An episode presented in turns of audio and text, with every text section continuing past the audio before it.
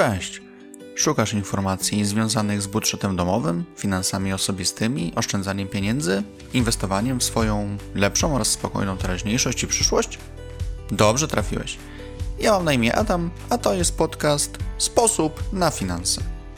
Finanse osobiste to ważna kwestia, o którą warto zatroszczyć się jak najlepiej.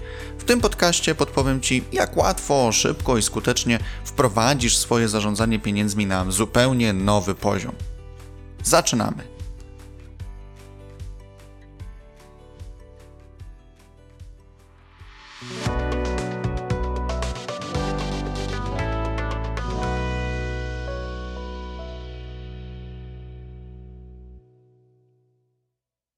Witam Cię, drogi słuchaczu, w 24 odcinku podcastu o finansach, w którym przedstawiam 11 kryteriów, które warto wziąć pod uwagę przy wyborze banku, w którym uruchomisz swoje konto. I chociaż ciężko będzie jednoznacznie wskazać, w jakim banku najlepiej założyć konto osobiste, to postaram się jak najlepiej przybliżyć Ci produkty, z których sam korzystam, a także podpowiedzieć, czym się kierować przy wyborze rachunku osobistego. Każdy ma zapewne inne potrzeby i priorytety, jeśli chodzi o produkty bankowe. Jednak e, w kwestii konta osobistego starałem się brać pod uwagę te czynniki, które związane są z bezpieczeństwem, funkcjonalnością, wygodą korzystania z rachunku. Nie biorę tutaj pod uwagę pakietów premium, które oferowane są przez wiele banków, gdyż po prostu z takich produktów nie korzystam, a swoje recenzje i spostrzeżenia wolę opierać na własnych doświadczeniach i wrażeniach z użytkowania danego rozwiązania. Pierwsza kwestia, na którą warto zwrócić uwagę, to opłata za prowadzenie konta. Niestety, coraz rzadziej spotyka się oferty banków, które umożliwiają posiadanie konta bankowego za bezwarunkowe 0 zł. Chociaż oczywiście da się jeszcze takie oferty znaleźć. Konto za 0 zł jest oczywiście bardzo wygodnym rozwiązaniem, jednak nie zawsze oferuje pełnię możliwości oraz zazwyczaj charakteryzuje się nieco bardziej ubogą wersją bankowości internetowej. Obecnie najpopularniejszy jest model świadczenia usług kont bankowych oparty na zasadzie spełnienia warunków, aby obniżyć lub wzerować opłaty za konto. Banki zazwyczaj wymagają od nas tego, aby na konto co miesiąc wpłynęła odpowiednia suma, np. 500 zł, 1000 zł wpływów na rachunek w zadanym okresie. Warto pamiętać, iż to nie musi być koniecznie przelew wypłaty, który otrzymujesz od pracodawcy – Liczą się również wpłaty własne dokonywane z innych posiadanych przez Ciebie rachunków. Wymagają często też, y, by na przykład wykonać daną ilość transakcji y, lub wydać odpowiednią kwotę. Najczęściej te warunki występują osobno, czyli na przykład musimy wydać w danym okresie czasu 300 zł lub przynajmniej 3 razy zapłacić kartą. Można też spotkać warunek y, utrzymania średniego salda w wymaganej wysokości – Chodzi o to, że mamy na koncie posiadać środki w miarę niezmiennej wysokości, np. 5000 zł. Wtedy trzeba dokonywać obliczeń, aby wpływy i wydatki realizowane z konta nie zaburzyły tego wymaganego średniego salda na rachunku. Zazwyczaj warunki, które stawiają nam banki, nie są jakoś specjalnie wyśrubowane i korzystając z konta na co dzień spełnisz je właściwie automatycznie. Jeśli jednak dane konto nie jest Twoim kontem bieżącym, a używasz go jedynie jako dodatkowe, zapasowe, czy też do regulowania pewnych zobowiązań, to wtedy warto jednak wybierać te oferty, gdzie te wymogi są możliwie najniższe i najprostsze do zrealizowania. Rozważyć trzeba również y, koszty posiadania karty debetowej. Tutaj sprawa przedstawia się podobnie do kosztów utrzymania rachunku. Najczęściej musimy realizować daną ilość transakcji w okresie rozliczeniowym lub wydać kartą odpowiednią kwotę. No, nie ukrywam, iż dla mnie zdecydowanie wygodniejszym do spełnienia warunkiem jest wymóg wydania kartą odpowiedniej kwoty. Dzięki temu mogę nawet podczas jednych większych zakupów spożywczych ten warunek spełnić i mieć już sprawę na cały miesiąc z głowy. Można również zastanowić się, czy aby na pewno musimy kartę debetową posiadać. Obecnie jest już tyle dodatkowych opcji dokonywania płatności, chociażby blik czy karty wirtualne, płatności telefonem, zegarkiem, że typowy plastik w portfelu przestaje być aż tak potrzebny.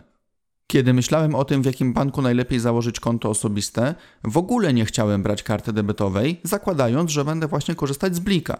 Ostatecznie jednak tę kartę zamówiłem, ale głównie dlatego, iż był to warunek wzięcia udziału w promocji organizowanej przez bank, a warunki zniesienia opłaty za kartę nie były przesadzone. Kolejną kwestią do analizy są opłaty za bankomaty. I tutaj opcji jest kilka. W zależności od banku możemy spotkać się z następującymi warunkami. Możemy mieć zupełnie darmowe wypłaty ze wszystkich bankomatów w kraju i na świecie.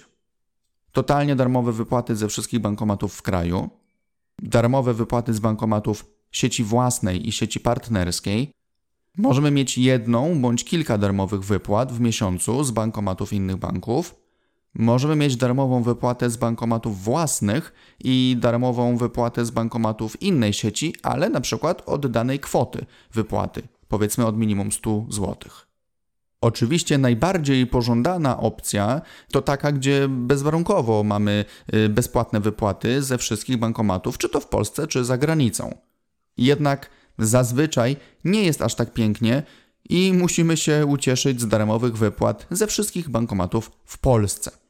I chociaż tych wypłat pewnie już też nie robimy teraz aż tak dużo, to jednak zawsze jest to fajna opcja bezpieczeństwa. Gdyby trzeba było nagle dobrać się do gotówki, a bankomatu naszego banku nie mamy akurat w pobliżu. Przyznam, że możliwość darmowych, nieograniczonych wypłat z bankomatów w kraju była dla mnie bardzo ważnym czynnikiem przy ocenie tego, w jakim banku najlepiej założyć konto osobiste. Ale warto zerknąć również na to, jakie mamy sposoby i koszty wpłaty środków na rachunek. Zapewne główną metodą dostarczania środków na konto będzie dla Ciebie przelew wynagrodzenia czy wpłaty własne z innych rachunków bankowych. Ale czasem wpada jakaś dodatkowa gotówka, którą też by się chciało na rachunek wrzucić. Jak można to zrobić? Najprościej i najdogodniej za pomocą wpłatomatu. Działa praktycznie zawsze, kiedy chcesz i o jakiej porze chcesz. Wpłacasz w 2-3 minuty i środki są od razu księgowane na Twoim koncie. Dlatego też yy, właśnie warto rozważyć bank, który oferuje sieć wpłatomatów. Na dodatek dobrze mieć je gdzieś w okolicy. Ewentualnie można wpłacać środki we wpłatomatach sieci Euronet. Niektóre banki dają taką możliwość bez pobierania za takie wpłaty prowizji. Oczywiście istnieje także opcja dokonania wpłaty w oddziale, jednak tutaj warto sprawdzić, czy za standardową wpłatę w okienku bank nie pobierze opłaty. Kolejny aspekt to konto oszczędnościowe. Prowadzisz już pewnie budżet domowy, wprowadzasz korzystne zmiany finansowe, z pewnością już oszczędzasz pieniądze lub zamierzasz się za oszczędzanie zabrać. Konto oszczędnościowe, które otworzysz na klik z poziomu aplikacji czy systemu bankowości internetowej, no, jest tutaj bardzo przydatne. Dobrze by było jeszcze, aby taka oszczędnościówka była jakoś sensownie oprocentowana, aczkolwiek z tym różnie bywa. Choć niektóre banki oferują dobre oprocentowanie, czy na przykład happy hours, w trakcie których można uruchomić produkty oszczędnościowe na lepszych, ciekawych warunkach. Nie zapominajmy również o opłacie za konto oszczędnościowe. Choć to wydaje się dziwne, ale nadal są banki, które za sam fakt posiadania oszczędnościówki pobierają opłatę. No, dla mnie to szok i moim zdaniem trzeba z takich banków uciekać. Oczywiście nie pomijajmy też kwestii ilości bezpłatnych wypłat z konta oszczędnościowego na rachunek bieżący. Najczęściej można wykonać jedną darmową wypłatę w miesiącu, a każda kolejna kosztuje 5-10 zł.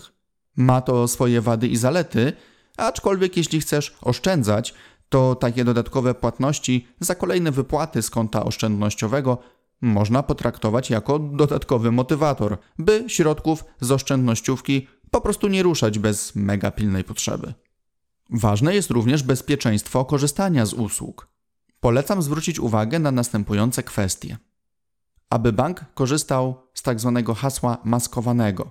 Nieco ciężko w to uwierzyć, ale nadal istnieją banki, w których system logowania wymaga wpisania loginu i pełnego hasła do bankowości internetowej. Lepiej z wiadomych względów tego unikać.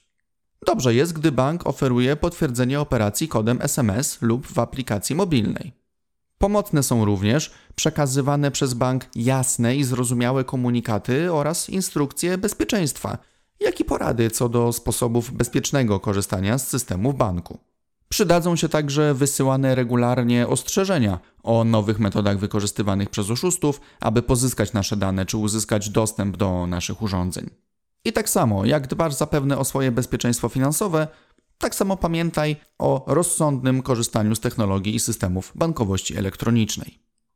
Kolejna kwestia to dostępność placówki banku w okolicy. Szczerze, dla mnie przy ocenie tego, w jakim banku najlepiej założyć konto osobiste, ten punkt był najmniej istotny. Wszelkie operacje bankowe wykonuję poprzez bankowość internetową i już naprawdę nie pamiętam, kiedy ostatnio byłem w jakimś oddziale banku. Jednocześnie oczywiste jest dla mnie to, że niektórzy po prostu lubią iść i załatwić sprawę w okienku, czy też nie czują się na tyle obeznani z obsługą aplikacji i systemów bankowych, by tracić na nie czas i nerwy. A przecież takie systemy również mogą zawieść na krótszą lub dłuższą chwilę. W takich przypadkach warto jednak mieć placówkę banku czy chociażby oddział partnerski w pobliżu, by w razie nagłej potrzeby załatwienia spraw bankowych nie musieć szukać placówek oddalonych o wiele kilometrów od naszego miejsca stałego bytowania. Przyjrzeć się warto również aplikacji mobilnej. Dobra, intuicyjna aplikacja mobilna sprawi, że nie będziesz w ogóle mieć potrzeby logowania się do tradycyjnego systemu bankowego. A bardzo dobra aplikacja sprawi, że nawet kodu do niej nie będzie trzeba pamiętać, bo zalogujesz się biometrycznie. Oczywiście pod warunkiem, że i bank, i Twój telefon takie metody obsługują. Możliwość sprawdzenia funkcjonalności aplikacji była dla mnie ważna w moich analizach co do tego, w jakim banku najlepiej założyć konto osobiste. Często da się takie testy przeprowadzić w systemach demo udostępnianych przez bank. Przez aplikacje bankowe załatwiam praktycznie wszystko. Sprawdzam stan rachunków, robię przelewy, ustawiam i monitoruję polecenia zapłaty, jak również zlecenia stałe. Dzięki powiadomieniom wiem, kiedy spodziewać się konserwacji systemu i przygotować się na to, że na przykład nie zapłacę kartą przez dany okres czasu. Mądrze i przejrzyście skonstruowana aplikacja mobilna to nie jest jednak reguła ale na szczęście banki się w tej kwestii poprawiają i coraz częściej dane opcje znajdują się tam, gdzie użytkownik ich intuicyjnie szuka. Nie trzeba już tracić czasu na przeklikiwanie się przez gąszcz opcji i zbyt rozbudowane menu.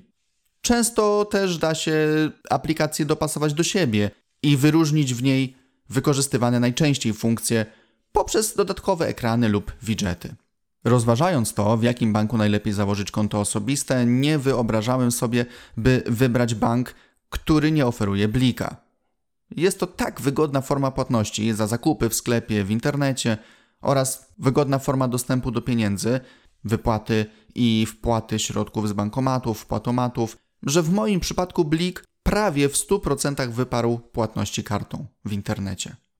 Kartą płacę jedynie w przypadku, gdy muszę ponieść nieco większy koszt zakupu, bo wolę wtedy mieć możliwość skorzystania w razie W z opcji chargeback. Jednym z punktów, na który też warto zwrócić uwagę, jest obsługa profilu zaufanego.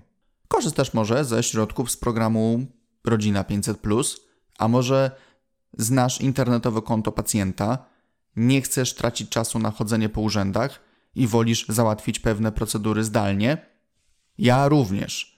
Dlatego właśnie wybierając bank, w którym mam konto osobiste, baczną uwagę zwracam na to, czy oferuje on możliwość szybkiego uruchomienia profilu zaufanego.